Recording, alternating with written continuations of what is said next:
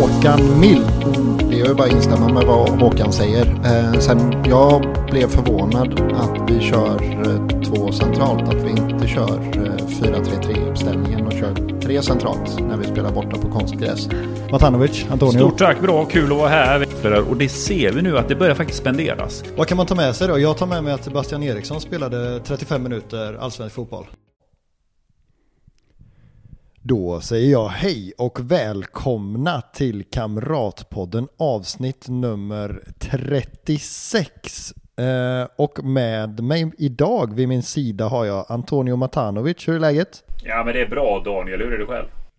Jo men det är bra nu. Jag eh, har ju inte kunnat spela in på grund av sjukdom och det borde ju ha haglat eh, avgångskrav från din sida tycker jag. Nej, jag, jag hade faktiskt kollegan. Det är en del som har varit sjuka nu faktiskt. Som har haft samma symptom som du har haft. Och det har ju tagit två veckor cirka för att de ska komma tillbaka. Så det verkar ha varit en jobbigare förkylning. Ja, alltså jag, jag, jag gjorde ju sån här covid-test, nu ska vi inte fastna vid det, men det var negativt. Men det var ju precis samma, samma elände som när jag har haft konstaterad covid. Det är rätt jävligt alltså. Jag skulle ju hem till dig och du sa ju till mig att jag, jag känner lite rassel, lite lätt då. Och jag sa nej, nej, alltså nej, inte en chans. Alltså inte en massa ungar hemma det kommer bara sprida Så jag, jag vägrade komma hem till dig och det var ju faktiskt det smartaste jag gjort på länge. Ja, ja det förstår jag. Då blir det ju lite sådär avsides eftersom att eh, eh, nu har det ju eh, Blåvitt gått som tåget. Tre raka matcher och den här, det här 90-årsfirandet jag var på, det känns ju inte lika aktuellt längre. Nej, nej men det, det har ju hänt grejer. N när vi väl skulle ses egentligen så var vi ju först, nu var det ett tag så vi sågs, men kan, jag kan konstatera det att när vi skulle spela in så var min krisskala på 9. Den är lite bättre nu. Ja, min var väl på 11 typ. Ja, du var ju över 10. Du passerade ju gränsen där. Ja. Men det finns faktiskt en liten, liten eh, sån här uh, gold nugget från uh, min Göteneresa. När vi kollade på uh, Blåvitt Degerfors första halvlek hemma hos en kompis föräldrar. sen såg vi andra halvleken på en förfest. Ja, den började ju klockan fyra då. Mm. Så det var tidigt, tidigt igång. Och när vi gick förbi Silbohov till den här silfesten, eller till den här förfesten, Silbohov är då en fotbollsarena, så spelade Sils damlag en match mot ett lag som har ett herrlag i allsvenskan. Och det är alltså division 2. Vilka, vilka tror du att de kan ha mött? Nej men alltså vänta lite nu. I division 2 säger du? Ja. I allsvenskan? Kan det ja. vara Kan det vara Elfsborg? Det var det. Det var, det var EFL. Så, ja. Jajamän. De var där med sin buss och hämtade tre säkra poäng med så här 5-6-0 eller något. Men det var, ja, så kan det gå. Mm. Um, nåväl, nu är det som sagt tre raka vinster. Um, var befinner du dig på krisskalan Antonio? Nej men jag nämnde innan, jag, vi, vi jobbar ju här på den här podden med en krisskala 1 till 10. När vi introducerade den så satte vi ju, eller jag satte ju Helsingborg som exempel. De är en 10. Det är ju riktigt yeah. illa där på väg ner till ettan. Och ÖIS ligger på en 9, AIK en 9. Då när vi började satte jag oss på en, ja men så lite trevlig sjua. Orolig yeah. men det löser sig. Blev ju efter Norrköping, då var jag nere på 9.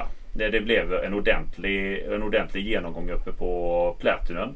Då tänkte jag det här känns inte bra. Nu har vi Djurgården och vi har Degerfors och vi har eh, Häcken då.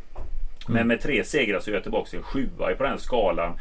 Kan tolkas som att det fortfarande är ganska negativt att ligga på en sjua. Men tabellen är ju sådan att vi kan inte riktigt koppla av. Men jag anser att vi har några lag. Vi har två lag som är i värre situationer. Varberg räknar jag bort. Men jag anser att mm. två lag efter det har det kämpigare än vad vi har. Till och med tre tänk... kanske. Ja. ja, ja, det blir svårt att inte dra in eh, Sirius i den också. Nej, men jag, tänk... ja, jag tänker faktiskt på Sirius. För mm. alltså, idag, mm. as, as we speak du och jag. Det här är ju sista dagen nu på silly season. Fönstret stängs ju. Och Japp. eh, jag tycker ju, om vi börjar med Varberg nu. Eh, de har ju, de, men de är ju körda Daniel. Jag menar jag tycker inte att det, det, det finns inget fönster överhuvudtaget egentligen på Varberg. Nu tappar de ju också Stanisic som gick till eh, Jocke Perssons nya klubb AC Horsens. Och tappat ett par spelare och inte värvat på det sättet för att stärka upp inför hösten anser jag. Nej. Eh, vi har eh, Sirius då. Som traditionellt sett brukar vara ganska aktiva nu under sillefönstret. Men vi ska ju komma ihåg att eh, sportchef är ju sjukskriven. Det var ju hjärtproblem där för eh. Ola. Och han är ju inte tillbaka. Jag tror det kommer straffa Sirius ganska hårt. Degerfors Ja. har inte heller värvat. De har ju mer konstaterat via mail att eh, tränarna får ju gå efter säsongen. Det kan man ju snacka länge om och mycket om. Men nu är ju inte det här en Degerfors Nej, det är ju inte det, men om man tänker själva förfarandet generellt sådär och eh, säga upp någon eh, via mail, det är väl någonstans att likna vid att göra slut på sms eh, efter en lite längre relation tänker jag. Det är ju svinaktigt. Ja men grejen är den att tajmingen är jättekonstig. Jag tackar bara för det är jättebra för oss här i IFK Göteborg. För man får sätta sig lite grann in i bubblan här. Här är du tränare då som ska ge allting för att de ska se till att klubben klarar sig kvar. Det är Solberg, en gammal spelare i Degerfors. Jag menar hjärtat är ju där va. Eh, när man är i en sån här situation och det ska börja förhandlas så ska man som klubb, om man tänker att nu måste vi ta beslut, gör det efter säsong. Om inte man ska få foten nu så sätter man sig ner efter sista omgången när, när bollen är färdigrullad och diskuterar. Men inte nu. Jag menar det där kommer ju påverka väldigt mycket. Jag tackar för det. Det är helt galet beslut och eh, man kan säga mycket om det sportcheferiet men Patrik Werner när det blåser, den goa gubben, han gömmer ju sig och så är det några andra som får träda fram. Ja, men jag, eh, eller om man kanske hade kunnat komma fram till någon slags konsensus eller dylikt att ja, men nu har ni varit här så länge och vi vill, eh, vi vill se någonting annat. Hur ser ni på det? Eller alltså, i alla fall försökt få dem med på att förstå vad som händer eller, eller någonting sånt där. Men det här blir ju helt, ja det blir väldigt, väldigt speciellt. Ja men det är kloka frågor men att dra det också Även om man hade dratt det i mail hade det varit konstigt Men jag tror ja. Degerfors, Degerfors är illa ute och det glädjer mig Jag Ja. tycker inte vi ser inget speciellt aktivt fönster där sista dagen Jag försöker följa sillen här eh, live Vi har ingenting just nu Klockan är ju snart Det är ju kvällen här när vi pratar Vi har ju AIK som har värvat väldigt mycket Daniel De har ju slått på rejält De har ju den här superioten som gör sina mål Pittas gjorde ju nu två där mot eh, Varberg Möter helt fel men grejen är den, har du sett någonting på AIKs matcher under tränaren Henning Berg? Ja, jag har sett allt skulle jag säga.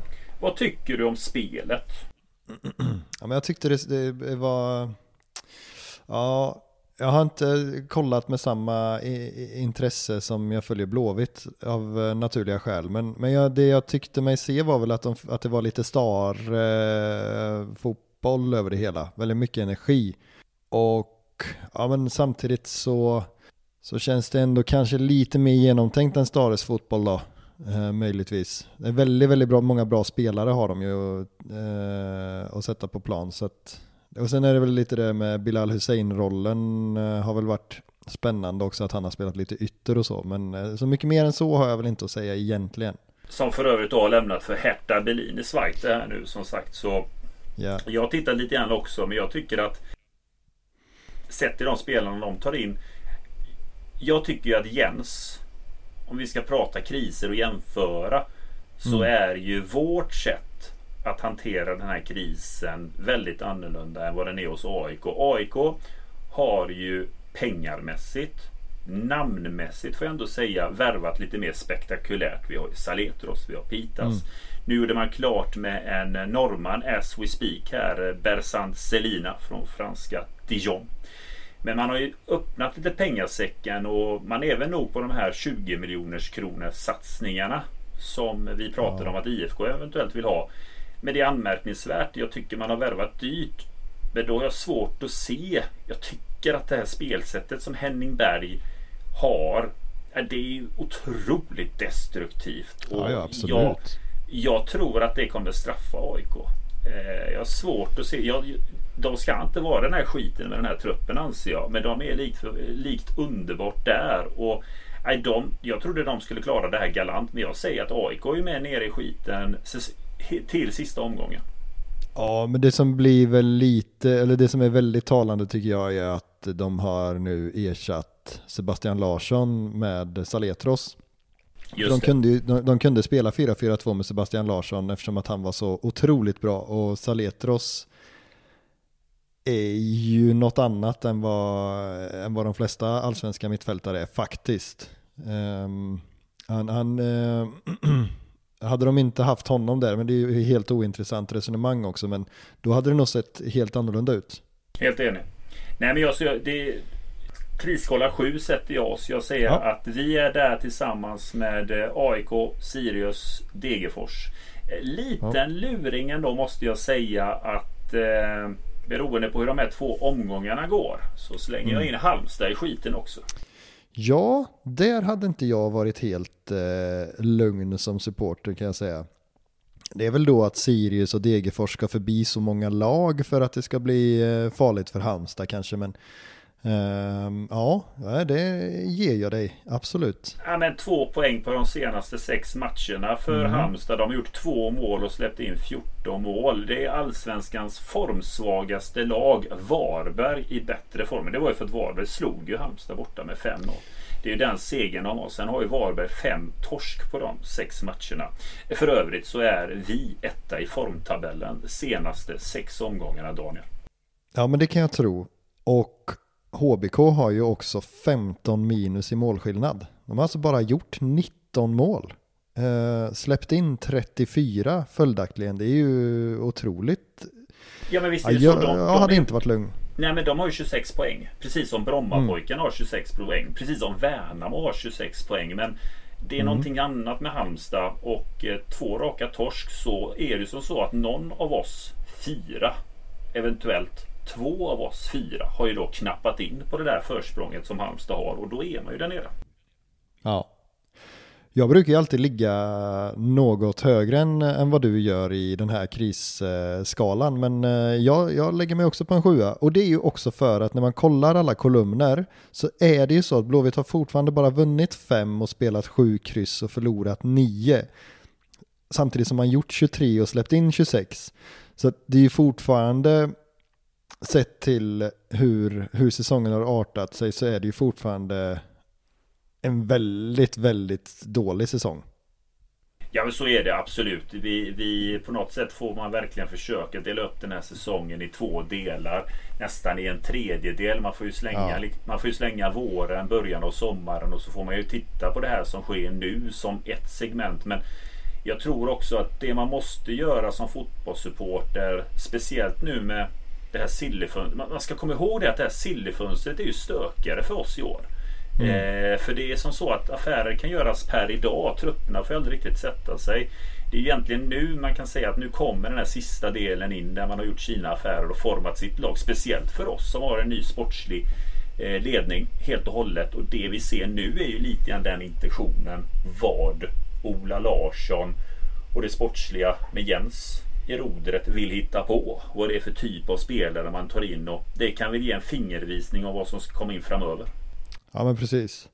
Um, men sen är det ju också så att uh, mycket av det som uh, har lett till den här uppryckningen är ju visst absolut, han har fått fason på, på grejerna uh, Jens och det är Mukkoli och det är Santos och det är Salomonsson och det är Hausner.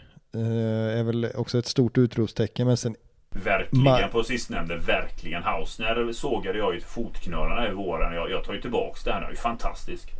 Ja, men den viktigaste hörnstenen är ju Marcus Berg. Herregud vilken Uppryckning kanske är lite hårt att säga eftersom att det känns som att han väl nästan har spelat skadad eller vad, vad, vad det kan ha varit. Men, eh, jag menar jag... smärtfri Marcus Berg med lite spring i benen ja. Ja. Och då är han ju som många liksom förstå sig påare är inne på. Alltså då är han ju en av seriens bästa spelare. Enig. På det han är bra på. Alltså han är ju löjligt bra in i straffområdet och i targetspelet och ja, den, eh, den såg jag inte. Jag såg ju absolut det komma att han skulle bli bättre. Men jag såg ju inte det här framför mig riktigt. Jag tycker han har varit briljant stund, under stunder alltså. Um, men um, du har redan varit inne lite på det. Uh, vi slåss i stort sett då, om vi, om vi börjar med att titta neråt, så slåss vi egentligen mot, precis som du säger, Varberg är borta. Men vi fightas mot AIK, Sirius och Degerfors.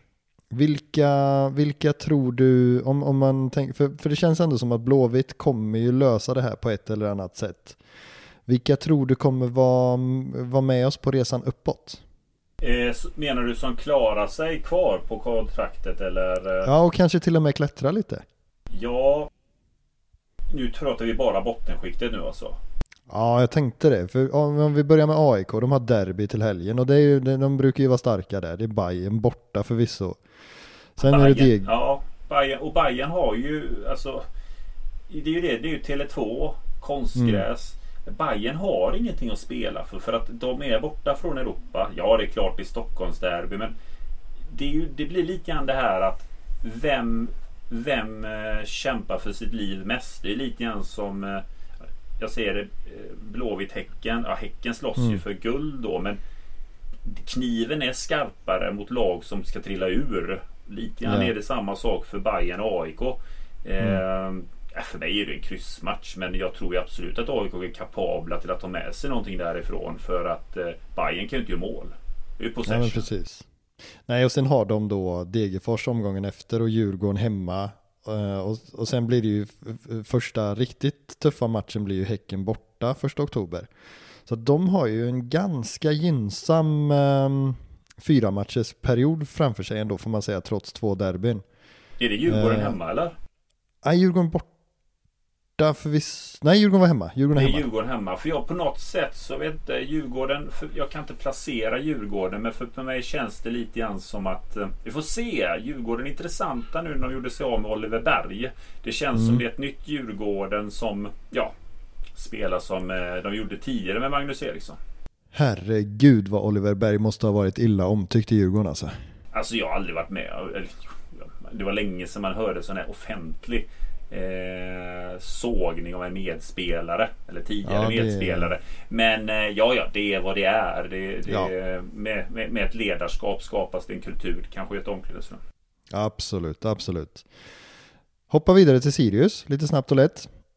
De, de har bollklubben borta på, i helgen. Sen ja, vilken var... match! Vilken match! Ja, den blir fin. Eh, den ska bli jäkligt spännande. Och sen är det Varberg hemma och Värnamo borta och sen Degerfors hemma. Många, många liksom viktiga matcher men det är, ju, det är ju Varberg hemma som är den enda säkra matchen för dem egentligen. Ja, men lite så. Alltså Sirius har väl haft lite svårt att bevaka en ledning eller hålla i en match hela vägen. Det är väl det att sista tredjedelen har varit ett problem för Sirius. Eh, Halmstad borta. Nu är de extremt formsvaga. Halmstad, men det är också Sirius. Så mm. kan Sirius tvåla dit Halmstad. Ja, men det är då jag säger att Halmstad är i skiten. Det är nästan så att jag vill att Sirius ska vinna mot Halmstad. Mm. För då, är, då har vi ett till lag som är lite nere i träsket. Eh, problemet Sirius har ju det är ju det defensiva. De har ju släppt in 34 mål. Den stora nackdelen för eh, Halmstad blir ju också att de har ju antagligen känt sig ganska säkra ganska länge. Ja, det stämmer. Och så plötsligt är de inte det. Nej. Och så går man vidare till Degerfors. Och där är det tufft. Nej, de, har tror... ja. de har Häcken hemma, AIK borta, Malmö hemma och sen Sirius borta. Fyra kommande. Ja men Häcken får man ju se lite grann här för att eh, de, deras match börjar ju precis nu här nu. Kvart mm, i nio börjar ju matchen borta i Skottland. Ja. Eh, om Degen ska vi egentligen hoppas på en förlängning och straffdrama och hela köret så att Häcken är, ja. och gärna att Häcken åker ut och är helt mentalt överkörda. Kommer ju sälja Sadiken här nu sista matchen han spelar innan han sticker till holländska ligan. Ja. Deg, degen kan ta poäng mot Häcken. Alltså det, det är det här att det svenska lag har ju svårt för det här med att parera tvåfrontskriget. Men eh, jag tror ju det är nattsvart för Degen. Jag, jag säger ju det att Degerfors åker ur. Ja men den, det, det, det, det är ju, det, det, tror jag också. Och sen tror jag, jag tror det blir HBK som tar eh, kvalplatsen. Ja, du tror att det går så illa? Ja, jag tror det. Jag tror Sirius kommer hitta vägar alltså. Ja, men vad landar vi på då? Um, ja, men det, jag, tror, jag tror Blåvitt tar ganska många poäng. Uh, nu vill inte jag hålla på och jinxa, men jag tror å andra sidan inte på, på jinx heller. Så att, Nej, det gör inte jag heller. Det är bara fjanteri. Det är folk som tror sig att de kan påverka resultat. Det är inte gudar. Nej, exakt. Så jag tror... Um, det är 27 poäng kvar att spela om. Jag tror Blåvitt skulle kunna nypa i alla fall eh, mellan 15 och, och 22 poäng där. Nej, det är inte illa pinkat. Nej, med tanke på formen. Mm. Eh, och eh, nyförvärvens liksom impact så tror ja. jag eh, att det kan, gå, det kan bli en ganska trevlig höst. Ja. Men ehm, eh, så jag, jag, tror vi kommer vara, det kommer vara hur lugnt som helst om bara, bara några, eller ja nu är det landslagsuppehåll, men om man tänker bara några allsvenska veckor så tror jag att Blåvitt kommer kunna andas. Ja, jag försökte att inte hamna i en hype här nu bara för att vi har tre raka segrar. Det är ju till och med att jag kommer inte ens ihåg när vi hade tre raka segrar i Allsvenskan. Utan jag försökte verkligen se nyktert på det. Eh, men jag känner inte att vi kommer landa i kvalplats och det med motiveringen att lagen där till där under oss som behöver rädda sitt kontrakt har klantat till det. Ja, um, jag tror Stare hade fyra raka segrar den hösten där. Och innan dess var det jättelänge sedan Blåvitt hade fyra raka segrar. Det kan men, är det så nästan. Ja, ja, ja, jag vet raka, inte ens. Tre raka segrar hade vi den, den magiska våren 2019. Ja, så kan det vara. Jör, Jörgen Lennartsson hade också tre raka segrar. Jag vet inte fasen om, om han hade fyra alltså. Nej, eh, Malmö borta nu. Vad tror du om den? Uh, nej men jag tror uh, att det passar Blåvitt ganska bra att möta Malmö nu. Nio mål på de sex senaste matcherna har Malmö mäktat med. Ja. Då har vi gjort um, tio, se där ja. Ja, men han jag... på banken men kan inte göra mer mål än oss. det är bara inlägg. Nej, det är det ju inte nu för tiden i och för sig. uh, men uh, nej, men jag, Alltså det är så jäkla svårt för när, när, man, när det stämmer för Malmö så är, ju, då, då, är de otroligt bra. Men å andra sidan så är de ju ruggigt ineffektiva ibland. Så att ja, jag är inte livrädd, det kan jag inte påstå. Nej, inte jag heller. Samtidigt så kan jag känna lite grann att vi kan. Alltså nu kan man ta. Det är lite det mentala också. att Även om vi förlorar så ramlar vi inte ihop. Vi kan hantera en förlust för vi har någonting på gång. Så det, och det kan också vara bra sak att ta med sig på plan. Att hamnar vi i ett tidigt underläge så kan vi fortsätta med vår plan. Man behöver mm. inte hamna i den paniken. Man ska respektera tabelläget. Men ja. vi kan andas lite nu. Vi kan andas lite på ett annat sätt. Och det kan ju bli en fara också för Malmö måste ju vinna för att eh, kriga om SM-guld. Eller kriga, förlåt ett jävla uttryck. Men ja, eh, för att kämpa om eh, SM-guldet. Och Blåvitt vet ju också kanske då med sig att det är inte så jävla farligt om man eh, förlorar den här matchen. Och det kan ju kanske eh, vara problematiskt i så fall. Men ja, eh, ja jag, minst kryss. Ja. Tror jag. Jag, jag du... tror Malmö vinner 2-1 men eh, jag, jag tror det. De är, det ja, jag tror att jag ser dem som favoriter.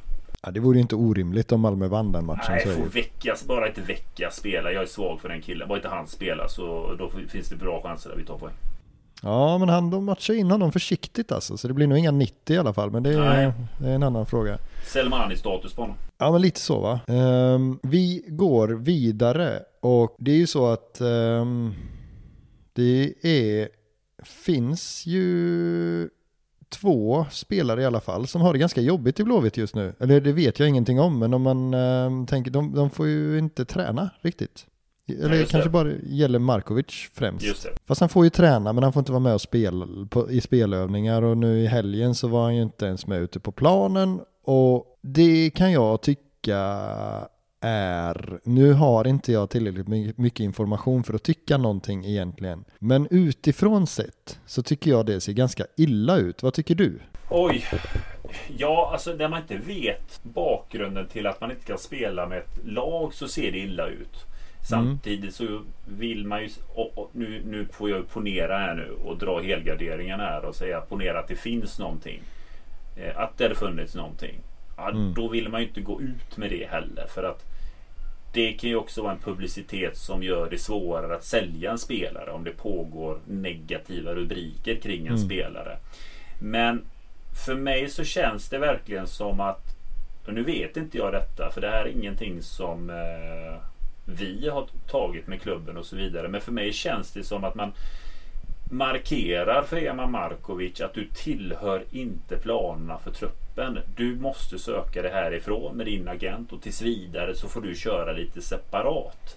Det är det som alla signaler skriker till mig och hur det har uppkommit det är ganska fascinerande för att för inte allt för så länge sedan så var ju Markovic en given startspelare, given med speltid. Därifrån att gått från så många minuter till att nu inte ens var nära, det är anmärkningsvärt. Men mm. det känns lite grann som att den sportsliga ledningen har hittat sin riktning. Att det är den här typen av spelare vi vill ha för att spela den här typen utav fotboll. Eh, jag vill ha den här typen utav spelare. Ja men då måste vi frigöra löneutrymmet. Ja men då får vi kapa band och vi får göra det fort som tusan för fönstret stänger snart. Men det finns väl både fördelar och nackdelar. Fördelen är att spelarna vet om att jag måste söka mig därifrån fort som tusan. Nackdelen kan vara att tycka att som köpande klubb så är man inte helt dum i huvudet. Agenterna de vet ju om läget och eh, det är inte många klubbar står inte i kö för att göra en affär utan de kan väl kanske vänta på att spelarna får sitt kontrakt brutet och sen kan de ta ett snack med honom för de vet att han ligger illa till. Jag har liksom inga problem, alltså jag fattar att de inte kan spela 12 mot 12 eller 12 mot 11 på träningarna. Alltså de, så långt är jag med och att det är någon som får träna bredvid och det är väl lämpligtvis den som är längst ifrån startelvan som ska göra det. Så, så långt är jag med. Men det som jag tyckte var konstigt var ju eh, att han inte ens fick eh, träna samtidigt som A-laget den eh, lördagen där innan match, utan att han körde i gymmet och sen efter träningen gick ut på plan. Det tyckte jag var kass. Oavsett liksom vad man har kommunicerat. Alltså för jag förutsätter ju att Markovic vet precis vad som gäller. Blåvitt har ju naturligtvis pratat med honom och sagt att du ingår inte i planerna, det kommer att se ut så här, varsågod och sök dig bort. Jag kan inte se något annat. Men man, jag tycker att det blir lite taskigt i, i överkant och inte låta honom uh, vara ute på träningsplanen samtidigt som övriga. Det, det, blir för mig konstigt. Ja men det är konstigt och för mig så är det som så att när man ska träna så vill jag ju att jag vill, men jag tycker ju att spelarna ska, de ska ju sporras på bästa möjliga sätt. De ska ju, ha, de, de ska ju möta varandra och de ska möta kvalitet. Och det jag kan finna anmärkningsvärt är det att här gör klubben en bedömning av att du ska inte ens vara på plan och träna med de andra och ge dem en utmaning. Då finns det ju noll förtroende för Ema Markovic. Noll. Och ja. Eh, ja men det är högst anmärkningsvärt. Men så här är det ju att eh, Ja, klockan är nu 21.00 fortfarande har ingen köpt Markovic. Men den dagen han lämnar så kommer ju rubrikerna eh, vad som ligger till grund där. Men det har gått fort från det att Jens kom in till att Markovic inte är med i truppen. Och det är klart som tusan att Jens inte har ett förtroende för spelaren Eman Markovic. Ja, men och sen är det ju absolut, det är klart att det handlar om ren kvalitet och sen är det så här skriverier om att han är ute på krogen och så här, men han är nykterist liksom, så att jag tror inte att eh, jag tror inte att det är någon, eh, någon fara för hans fotbollsspelande att han ränner ute lite ibland.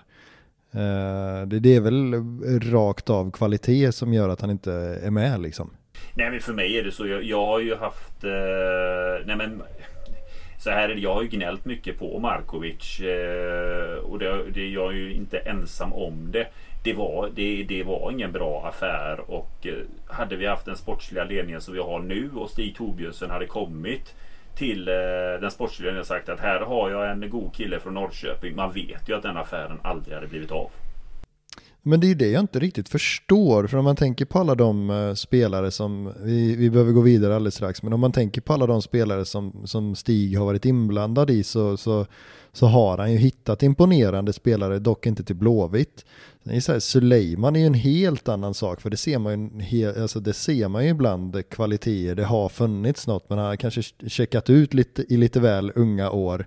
Eh, men jag förstår liksom inte hur, hur han kommer med Eman Markovic. Varför nej, liksom?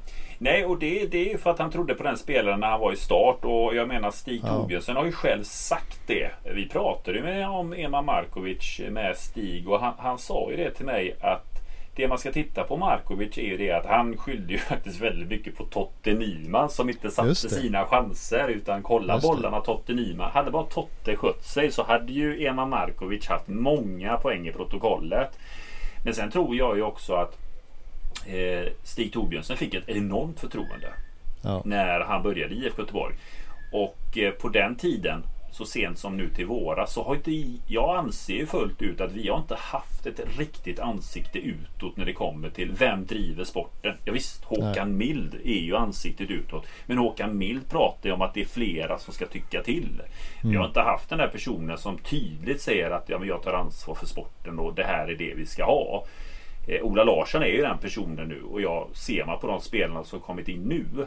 Nej, det är inte den typen av spelare Eman Markovic hade representerat om det hade landat på Ola Larssons bord, anser jag. Nej, han hade nog inte värvat eh, Eman Markovic. Eh, men man kan väl tänka sig att det ska mycket till för att Suleiman och Eman Markovic ska starta så himla många fler matcher i Blåvitt. Eller att de ska starta några matcher överhuvudtaget i Blåvitt.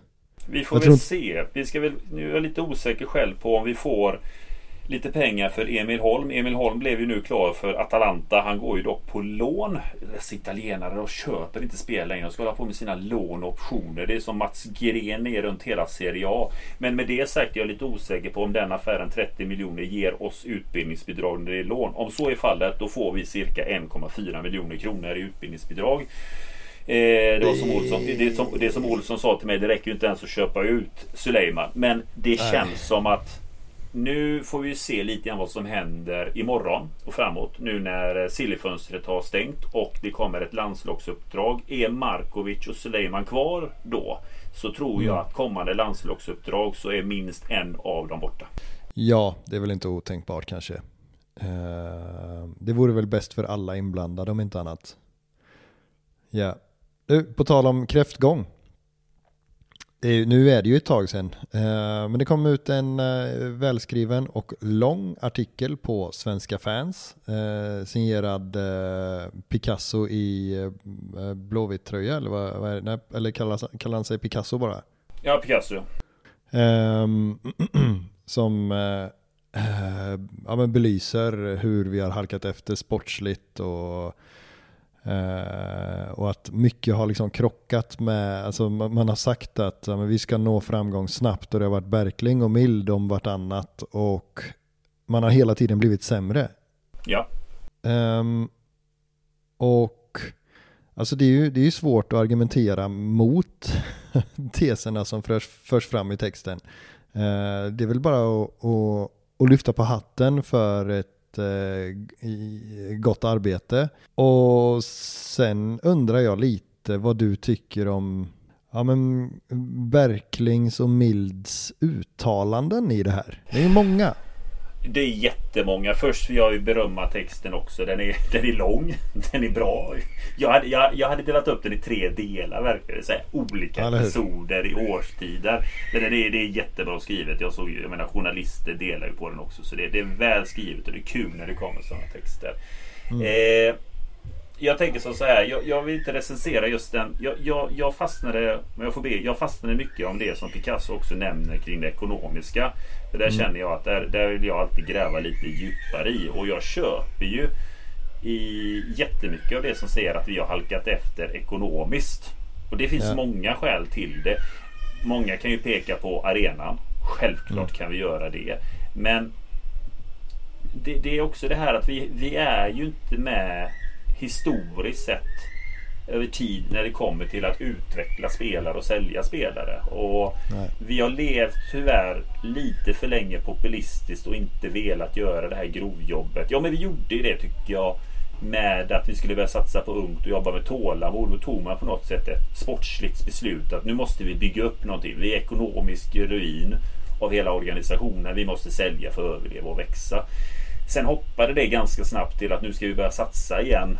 Och man underskattar allsvenskan när man tror att man kan gå från plats 10 till topp med lite satsningar. Allsvenskan är svår. Man kan ha tur och få till den lotten och halka upp en bra plats. Men det är sällan du är kvar där.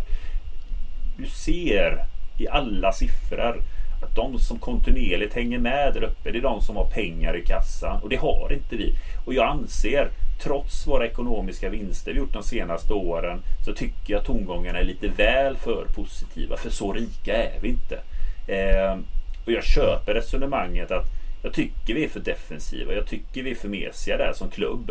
Och jag anser att det är helt otroligt att klubben så jag säger som, som, klubben, det är flera i klubben som har sagt det till mig. Det finns ingen anledning till att vi kanske ska ha över 100 miljoner i kassan. Det är inte det vi är till för. Jag säger tvärtom. Ha 200 så kan du göra vad fan du vill lite grann när det väl är dags. Ha alltid mycket pengar i kassan. För du, ja, behöver, göra, du behöver göra investeringar emellanåt. Och då kan du inte sitta med 20 miljoner i kassan och tro att du kan förändra saker och ting. Nej, och sen undrar om man tänker så här. Jag vet inte om jag tycker att det är så konstigt att uh, vare sig Berg, Berkling eller Mild uh, spänner bågen. Sen kanske han drog det lite långt när man skulle förbi Malmö FF snabbt. Men så här, det var, var, jag har ingen aning om kontexten. Och, Nej, alltså, löst sådär. citat som Olsson brukar skälla på dig och mig om. Man blir alltid så arg när vi hänvisar till det citatet. då, får vi, då kommer eh, herr Olsson och pekar med fingret mot oss. Och då får vi sitta snällt och lyssna. Ja men precis. Så att det de har gjort är ju egentligen att propagera för någon slags, ja men vi vill, vi vill framåt vi, och, och, och det får gärna gå snabbt och nu är det resultat istället för prestation. Och det är ju någonstans, det rim, har ju rimmat med självbilden så det är inte så konstigt att de har kommit även om jag tycker att, eh, att man kanske har tagit i lite väl mycket ibland. Ja, jag håller med. Eh, men det är en never ending story. Men yeah. det är lite grann när vi kommer till den frågan just att när vi ska summera den här säsongen så får man verkligen dela upp den i tre delar. En eh, pre-season med Stare och det beslutet som togs då. Ja. Eh, den säsongen som var fram till sommaren och besluten som togs med Tengryd och William. Och ja. nu då det nya med Jens och Ola. Eh, det är lite det som får vi göra på något sätt en total betygssättning. Men texten som Picasso har gjort tycker jag är väldigt bra och jag delar mm. mycket av den bilden och den kritiken som finns mot nuvarande sportsliga ledning. Jag tycker det är mycket huvudet på spiken där och kritiken är i stora drag befogad. Vad tycker du själv? Nej men jag tycker ju, eh, jag håller ju med om mycket. Sen eh, så, så tror jag att eh, mm, mm, mm alltså Berkling eh, också eh, vad ska man säga? Alltså jag tror att jag tror att Berkling har sagt det som han tror förväntas av honom. Um, så det är bortsett från den där Malmö-grejen då, men han, som sagt, ett lösryckt citat och så vidare och så vidare. Eller så var det inte det, det vet jag inte. Men uh, någonstans så, så blir det så här, jag tycker tycker inte att de här uttalandena är så farliga. Eh, sen kan man tycka att det är naivt eller att jag är korkad eller vad som helst. Men jag, jag har inte haft några, jag har inte haft några jätteproblem med att, eh, att man kanske inte, att allting inte har bottnat i verkligheten. Det, men, det var länge sedan det gjorde det. Jag, jag, mm. jag kan känna att... Eh, jag menar det, jag menar de är inte först. Nej, precis. Eh, det, det, vi har levt lite grann med det här och det den stora lasten vi har det är vår historia och att mm. jag upplever ju för det, om man ska ta supporterna i försvar. Är det några som haft tålamod så är det vi supportrar. Mm. Eh, men jag kan uppleva att klubbledningen har varit lite mer offensiv att snabbt försöka vända detta. Ja. Och det har inte blivit bra. Nej. Men du. Um, säsongen är slut om bara några månader. Oavsett hur det går, ska Mild vara kvar 2024? Nej. Vad ska han göra då? det vet jag inte. Han har säkert massa spännande på gång. Jo, jag, kan tyck, jag kan tycka att eh, nu har vi haft en eh, nedåtgående spiral som har varat i ett par år. Eh, min, min, spontana känsla, jag har känt det länge, att det här är sista året med Håkan Mild. Det mm. intressanta med Håkan Mild, det är egentligen det som hände här under våren måste jag säga. Och det är när Ola Lar, när vi tog in Ola då, vår tekniske direktör. Där man på ett sätt har sett hur Håkan har fejdat bort sig själv från sporten. För du ser ju inte honom ja. på samma sätt. Han är, har ju inte varit den personen som har varit med på intervjuer och varit den Nej. som uttalat sig vad vi ska göra på sommaren. Det är ganska vanligt att en klubbdirektör talar mycket sport även om man inte är direkt då teknisk direktör eller sportchef. Jag tror det är medveten strategi från Håkan Mild att på ett sätt sätta ljusets riktningar på det nya som kommer in och att de får sin eh, få sin energi och sin framgång. Och jag tror också det är medvetet för att det här är Håkan Milds sista säsong i IFK Göteborg. Och, jo, det är, och det tror jag är Det är bara en känsla jag har. Det är någonting han själv känner och inte någonting han har blivit tillsagd om. Nej men eh, det, jag tror att det här är Milds sista säsong i Blåvitt men jag vill inte att det ska vara det. Men jag är också så nostalgisk och, och, säkert kanske konservativ, eller jag är ju konservativ när det kommer till fotboll. Uh, jag, jag, jag vill inte ha VAR. Jo, men det är väl vi fotbollsfans överlag. Och... Vi gillar inte förändringar allt för mycket heller. Nej men precis, och, och jag gillar ju verkligen Mild liksom. Så att eh, jag skulle ju gärna, jag skulle bli jätte, jätteglad om han fick vara med på resan uppåt liksom. Eh, men, men så är ju inte jag och det är väl en, eller här, det är väl en jävla tur att det inte är sådana som jag som sitter och fattar beslut i klubbar. Jag pratade med en, jag säger inga namn för det är alltid lite känsligt, men jag pratade med en som bedriver en podd som också då pratar en hel del om fotboll inom Västsverige. Jag ställde just frågan om, ja men vad tycker du om Håkan Mild? Jag sa ju vad jag tyckte och personen fråga, svarade på det sättet att Håkan är en person som personifierar IFK Göteborg. Och han betyder mm. väldigt mycket för IFK Göteborg. Han ska inte ha den rollen han är kvar, har idag, men han bör vara kvar för han drar sponsorer och han drar mm. partners. Men han ska inte ha, han ska inte vara inne i sporten på det sättet längre.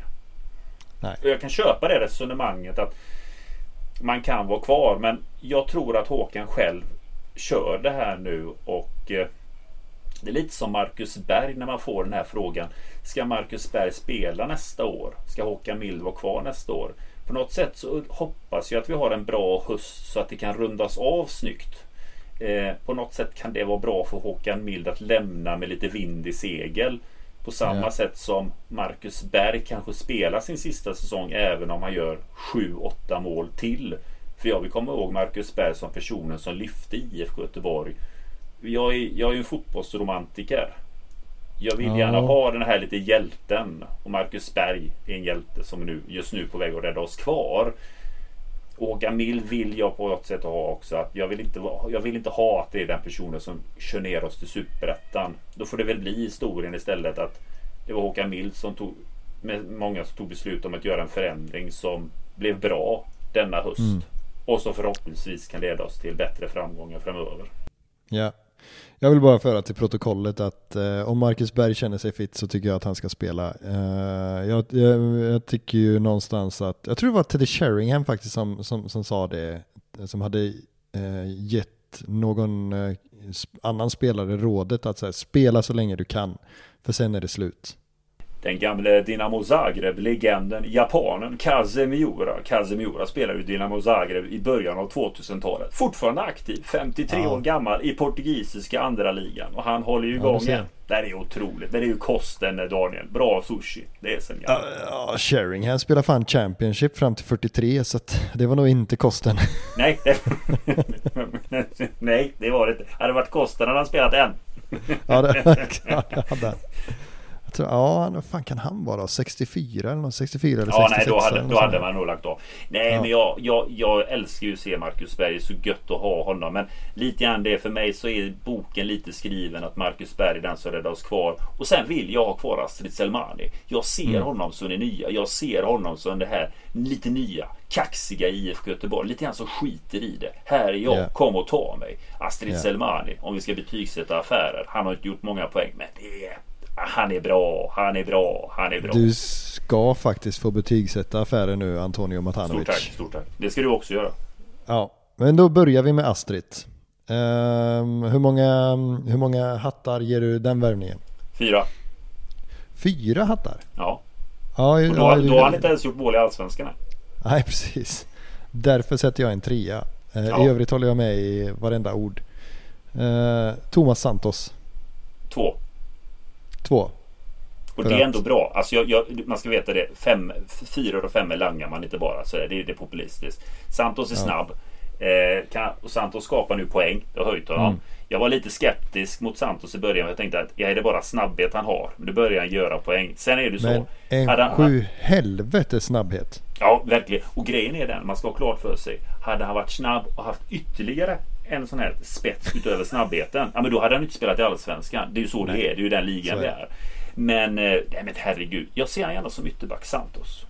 Ja, det gör jag nog också. Ja. Samtidigt som man gärna ser Emil alltså. Han är riktigt fina inlägg. Men, men, Ja, Emil bra. ehm, ja, nej, jag har svårt att ge Santos högre än en tvåa också. Eh, ehm, och, och två betyder ju då för mig godkänt liksom. Absolut. Det, det är Eh, välkommen så- till gänget liksom. Arbnor Mukkoli. Började svagt. Äh, vänta nu, jag ska inte säga svagt. Han har legat en tvåa på mig. Eh, ha- Någonting hände borta mot Elfsborg. Jag, jag, jag sitter ganska högt upp. Jag ser liksom ganska långt ner. Och då, då anfaller Blåvitt på eh, min sida där jag sitter på läktaren. Och jag noterar ju där. Första matchen gav han inget avtryck för mig. Men andra matchen mot Elfsborg så ger han avtrycket. Och det är inte det att han gör poäng. Utan det är sättet hur han tar för sig i laget. Jag ser någonting i hans blick. Jag ser att jag ska ta frisparken. Ge mig bollen. Bara ge mig. Jag står där. Han gestikulerar. Han visar att han vill. Och det var länge sedan jag såg en ny kille som kommer in sådär i ett helt nytt lag. Och som befinner sig i en situation som är ganska pressad. Men som bara visar. Här är jag. Ge mig bollen så fixar jag det. Sen gör han det inte. Men han säger det igen. Ge mig bollen. Ge mig bollen. Ge mig bollen. Jens pratar ju om gambling. Om du kommer ihåg när vi pratade med eh, Gustav Norlin. Han sa vi måste gambla mer. Ja men Mukkoli är en gambler. Det är precis det där han är. Nu har han till och med börjat skapa poäng. Trea på honom. Mukkoli. Eh, joker i leken. Men eh, det är ju en sån här kille som vi får hålla i hårt. För håller han på så här så får vi det kämpigt att ha kvar honom nästa sommar. Jag sätter faktiskt en fyra men det är lite på potens- potential också. Ja, det är Eh, snyggt. Det ska man också göra. Eh, Jag tror att han kan bli riktigt, riktigt bra. Jag tycker också att han påminner inte alls om Hossam Aiesh, men han påminner om Hossam Aiesh i hemjobbet. Han tar ju ett otroligt eh, defensivt jobb och det gillar jag när eh, Yttra gör. Eh, Och jag måste bara tillägga, jag får ju skärpa mig lite grann. Här sitter jag och säger att Varberg inte gör några affärer. Först och främst har jag lånat våran grabb där i Jajamän. eh, Kurucki. Men Mukolis lillebror på väg till eh, Varberg ju. Ja, ja, ja, ja, jag såg det. Så är jag är det. klar, klar. Jag tror det, ja det, det är nog klart. Idag måste det vara klart, annars är det kört. Men han kommer, Ja, han men- har ja, spelat är- eh, norska andra ligan. Jag helt. Ja, det är klart. Ehm, jag såg Kontrakt att- även, även över om han Varberg åker ut så ska han spela Superettan med Varberg. Ja, ja. Men Varberg är, inte, Varberg är inte dumt. Det är en helt okej stad sådär. Jo men det är det. Herregud, de har ju fina kusthotell där och sånt. Det är bra börjare. Ja. Ehm, Ska du sätta betyg på islänningen då?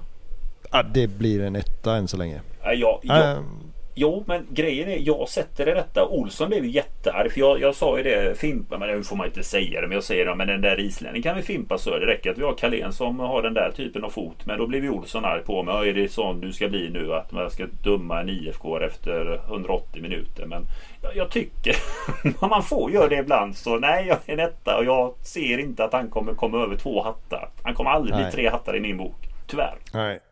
Och det gör ju en också lite eh, orolig för, eh, men vi ska, inte, vi, ska inte fastna där, men det känns ju också som att när man, när man tog in honom så var det spiken i Sebastian Eriksson-kistan. Den Lite sista. så. Lite så. Ehm, och det är vad det är och det får jag bearbeta i eh, december. eh, Ja. när, man, när, när den nyheten eh, kommuniceras, antar jag bara. Men ehm, mm, det är klart att han kanske, han kanske kan, det är någon som har sett någonting där och jag får väl lita på, på det. Ja, man får ju göra det. De har ju ett annat öga. Ja men ja, förhoppningsvis. Hoppas man. Sen, sen har vi tydligen värvat Messi också. Just det. Eh, och jag måste bara säga det. Jag, jag tycker det är, det är jätteroligt. Att, jag gillar ju det här som Ola pratar om. Att vi behöver ju satsa på ungt. Vi måste ju också bygga på någonting. Alltså, så här är det. Jag pratar ju om att ekonomin är kass. Då vill jag tillägga som så att vi har varit dåliga på försäljningar. Nu vill jag tillägga det att den situationen vi befinner oss i just nu så är det att nu måste vi rädda det som går att rädda. Tycker affärerna in har varit bra. Vi har inte värvat spelare som vi har inte värvat 18-19-åringar som kommer säljas för 50 miljoner. Men det är inte det läget vi är i nu. Men här är det som så. Nu har ju Ola sagt att nu har de hittat en kille som de vill utveckla, förädla och man ser ju en framtida affär på den här killen. Men jag tycker att det är bedrövligt att han ska gå under få det här Sveriges Messi. Vad är det här Daniel? Ja, den är sjuk. Men du kan ju inte bli kallad Sveriges Messi. Ja, absolut, han kommer från fina akademin i Atalanta. Fina akademin i BP. Men herregud, och Sveriges Messi. När den där grabben Messi var i den åldern så gjorde han hattrick mot Real Madrid. Så är Ja det. men precis. precis. Um, så det, det, är lite väl uh, tilltaget kanske. Men... Um, ja, Han ska ju för tusan lånas ut till Frölunda vad det verkar. Som för övrigt verkar bli våran samarbetsklubb i division 2 så att han ska få speltid. Vad säger vi förresten om att det ska samarbetas med Frölunda? Ja men först och främst så vill jag bara säga att jag blir, alltså jag är så jävla trött det där med, ja är polare med Kulusevski och, och hela den biten. Det säger ju ingenting om hans kvalitet. Nej, Markovic är jättebra kompis med Håland. Ja exakt, tack. Ska vi komma ihåg. Eh, Västra Frölunda är ju en fin förening. Eh, jag tror Västra Frölunda har ju många många spelare som liksom är ja, delvis ute i fotbollseuropa men uh, uppe lite, uh, både lite här och där och jag tror att de hade ju kunnat ha en ganska stabil ekonomi också men det krävs ju lite för att, att kräva in alla utbildning, utbildningsbidrag och sånt för det är ju klubbarna själva som kräver in dem. De betalas inte automatiskt. Eh, så jag tror att ehm, eftersom att det är en sån liten eh, administrativ avdelning i en division 2-förening så tror jag att de eh, antagligen har blivit, det här vet inte jag, men jag, tror, jag skulle gissa det, att de inte har haft möjlighet att kräva in alla utbildningsbidrag och sådär. För det är ju inte bara, det är inte bara att skicka en faktura liksom. Nej. Nej men jag, jag som jag ser det så har vi ju två typer av samarbete. Vi lånar ut, lite, vi lånar ut spelare till Utsikten nu. Mm. Eh, som är i toppen av Superettan. Det är spelare som befinner sig någonstans att de är nära på att spela i IF Göteborg. Få testa en miljö där det är mer konkurrensutsatt. Eh. Frölunda, ja, dit går man om man är väldigt ung och behöver speltid. Mm. Men om du som 22-23-åring lånas ut till Frölunda. Ja men då är det nog dags att eh, surra lite med agenten. Ja, eller eh, ansöka om lite komvuxkurser kanske. Uh, nej men uh, jag tycker det är gött att man uh, lånar ut spelare i, där det inte är för sent. För alla som har gått till Utsikten innan när vi hade dem som samarbetsklubb, de gick ju dit när det var tack och hej liksom. Alltså det är ju Eh, och inte bara Utsikten kanske, men det är Adil Titti, det är Patrik Dyrestam, det är Kalle Bom, det är Tom Amos, det är eh, Benjamin Salo. Alltså det är, listan kan göras ganska lång på spelare mm. som har lånats ut istället för att man bara skeppat dem. Liksom. Utsikten har för protokollet blivit lite bättre sedan dess. Det har de faktiskt. Det, det får man ge dig. Men Kalle Bom gör det väl bra i Utsikten nu? Ja, det gör han. Ja, eller förra året i alla fall. Nu vet jag inte hur han har varit i år. Hela Utsikten har ju varit bra. Ja. Det var väl det hela va? Konstaterar att laget vi slog i helgen leder just nu 2-0 borta mot eh, Aberdeen. Och det är Sadiken då som avslutar det. Ja, eh, avskedsföreställning. Ja men så är det. Så jag tycker också på ett sätt det är ett styrkebesked som vi visar att vi tvålar dit Häcken det, på det sättet som vi gör. För Häcken är, även om jag gnäller att svenska lag inte klarar tvåfrontskrig så är det ett väldigt bra Häcken. Och mm. att vi kan dansa som vi gör eh, och tecken som ändå ser det som en viktig match att möta oss. Ja. Så ska vi gå in med den här hösten med gott självförtroende och ja. Eh, vi ska ha respekt för läget men eh, nej, vi kommer inte hamna på kvalplats. Nej, vi kommer klara ja, det. Det, det är väl känslan va? Absolut. Ja. Det är Selman. väl bara att... Men det var ett tag sedan vi sågs med Selemani. Den köpoptionen ska vi nyttja Daniel, eller vad säger du? Ja gud ja, absolut. Och speciellt om den är så låg som det, som det tisslas och tasslas om. Då känns det som att det är en no-brainer som de säger. Ja, om det är den summan som det sägs här nu i sociala medier, då får jag säga att det är ett bra sportcheferi. Mm. Inte jätteönskad i Israel heller kanske. Men Nej, ändå. och jag, jag, vill bara tillägga det anledningen till att jag sätter en fyra hattar på Astrid Selmani. Det är för att jag ser också potential. Jag anser att Astrid Salmani IFK Göteborg han passar bättre i vårt spelsätt än det som Bayern spelade. Ja, jo men det tror jag också. Uh, sen är han ju faktiskt inte lastgammal heller, Selmani. Han är ju faktiskt bara um, uh, 26 år gammal. Det är en kille som älskar allsvenskan. Precis som mm. vi gör. Ja, Uh, nej men jag tror det kan bli, det kan bli jättebra.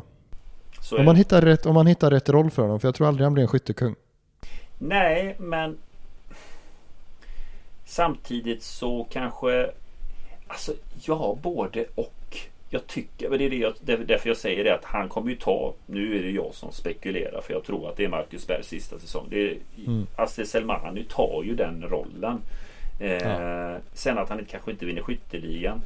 Nej, men det var länge sedan vi hade en skyttekung, by the way. Ja, ja, nej men bara, någon, eh, bara man hittar en roll där det finns andra som, eh, som gör målen så ja. är det ju för mig hur lugnt som helst. Enligt. Du, nu börjar min eh, hals bli jättejättetorr här. Jag har pratat alldeles för mycket idag. Ja, jag ska natta lille man. Ja. Stort tack. Tack ska ni alla lyssnare. Ja. Uh, ha det gött och på återhörande och det kommer inte dröja lika långt uh, till nästa avsnitt. Så mycket vi gör, vi, vågar vi, hörs, vi lova. Vi hörs nästa vecka. Ja, ha det gott. Hej. Hej.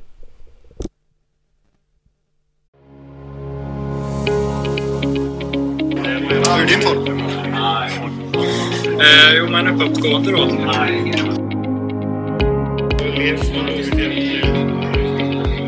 Jag trodde som pojke att jag var... Ja, det var en dröm att spela i ett skitboll.